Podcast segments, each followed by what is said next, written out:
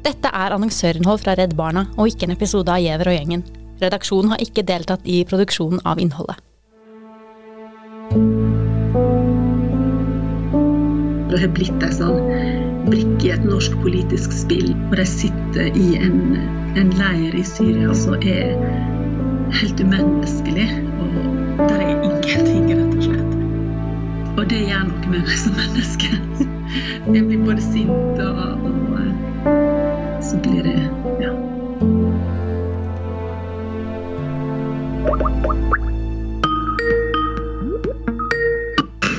Hallo. Hei! Hei, der er du.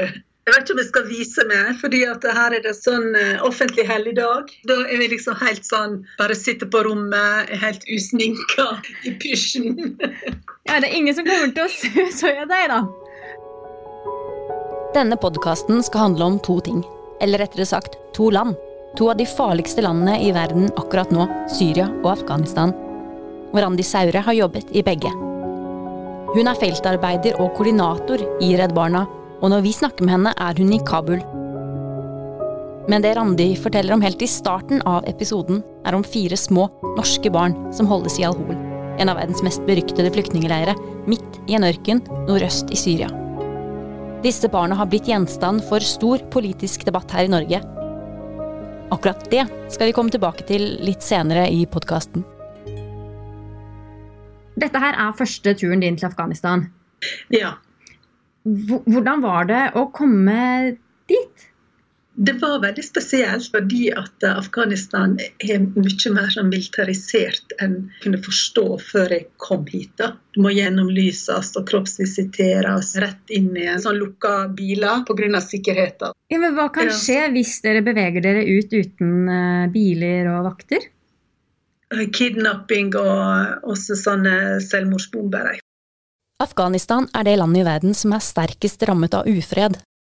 Bare i fjor ble nesten 400 000 mennesker drevet på flukt pga. konflikten i landet. Halvparten av disse er barn. Det er flere barn enn antallet mennesker som bor i Trondheim.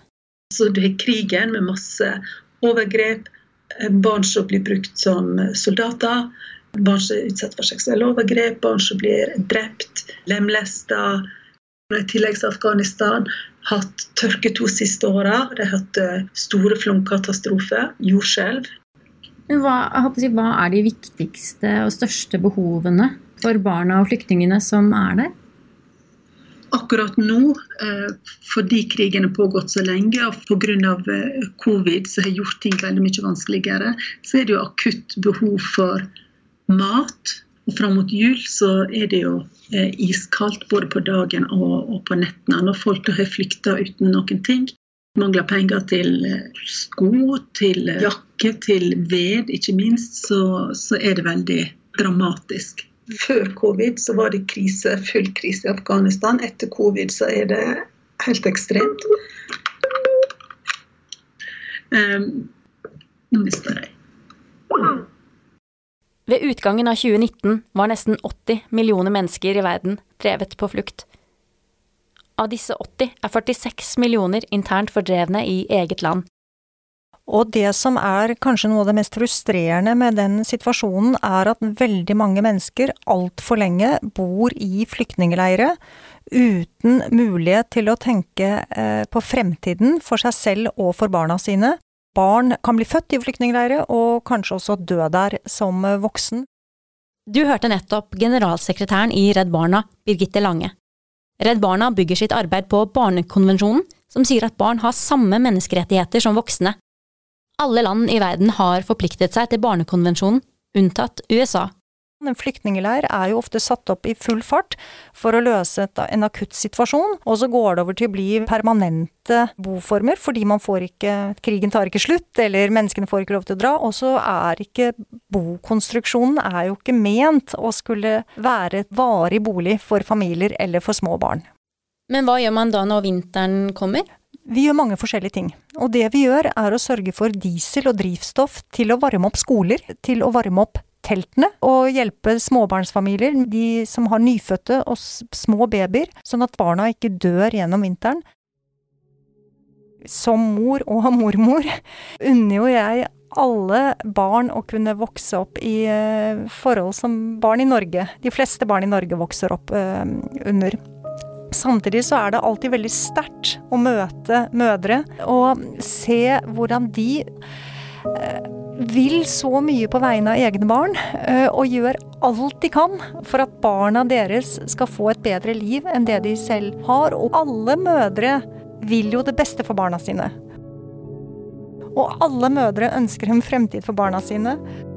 Og alle mødre forsøker, uansett hvor de bor eller forhold de lever under, å gjøre det aller beste for barna sine.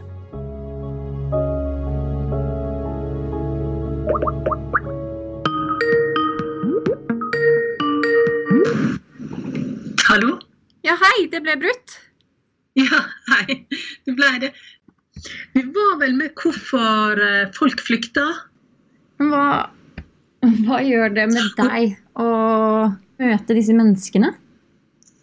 Noen av de oppdragene som jeg har hatt, som har gjort djupest inntrykk på meg, kanskje eh, ser eh, den politiske debatten i Norge og ansvarsfraskyvelsen da, fra norske myndigheter. Og den andre er jo der når jeg jobber i i Syria, i Al-Hol-leiren, der det også vi har en håndfull med norske barn så, det har blitt en sånn brikke i et norsk politisk spill. Og de sitter i en, en leir i Syria som er helt umenneskelig. Og, og, der også er det jo vinter, og det er iskaldt om vinteren. Og ja, det gjør noe med meg som menneske.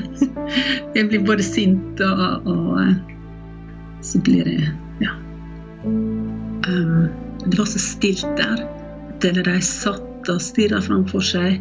Og de som var søsken, satt bare og klynga seg til hverandre. Og det var barn som ikke var barn, på en måte. Og så gjorde det veldig sterkt inntrykk på meg å høre hva norske politikere sier, og hva de skjuler seg bak for å unngå å stå opp for disse barna. Det de eh, fortsetter å gjenta at uh, mødrene må sjøl ville hjem, og de må søke konsulær bistand, når vi vet at de er innesperra der. Og de har ikke sjanse til å oppsøke konsulære tilbud. Det som er rett, er jo at landene tar ansvar for sine borgere. og bringe dem hjem igjen. Og så må en jo straffeforfølge de som skal straffeforfølges, men så må en jo ta seg av disse ungene som har levd under så forferdelige forhold så lenge. Sjansen for at disse ungene blir radikalisert også, er jo kjempestor. Redd Barna jobber for at ingen barn under fem år skal dø av unødvendige sykdommer. I august døde åtte barn under fem år i Al-Hol. Generalsekretæren i Redd Barna sier at verdenssamfunnet må stå opp for alle flyktningebarna i den syriske leiren. Samtidig haster det med å få de norske barna hjem. Det er fra bitte små barn til opptil fem, seks, syv år som er helt uskyldige i forhold til valg, de valgene foreldrene deres har tatt.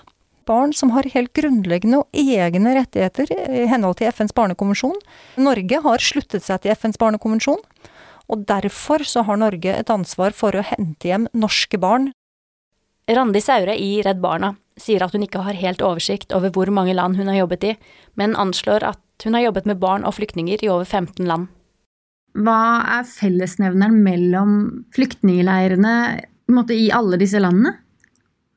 Ja, fellesnevneren Det er litt vanskelig å si, men uh, Fellesnevneren er jo det at det er, det er snakk om å overleve fra dag til dag. Det som jeg også ser, og det som har slått meg etter hvert, da, er liksom at det, i alle sånne kriser så prøver foreldre å gjøre det beste eh, de kan for barna sine. Og fortvilelsen til foreldre som ikke greier å beskytte sine egne barn. Ja. Vi må jo gjøre noe. Vil du være med å beskytte disse barna? For bare 150 kroner kan du sørge for at åtte barn får gode og varme vintersko.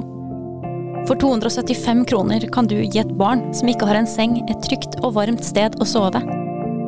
For 500 kroner kan du sørge for at ett barn får varme klær og pledd til å over seg om natten.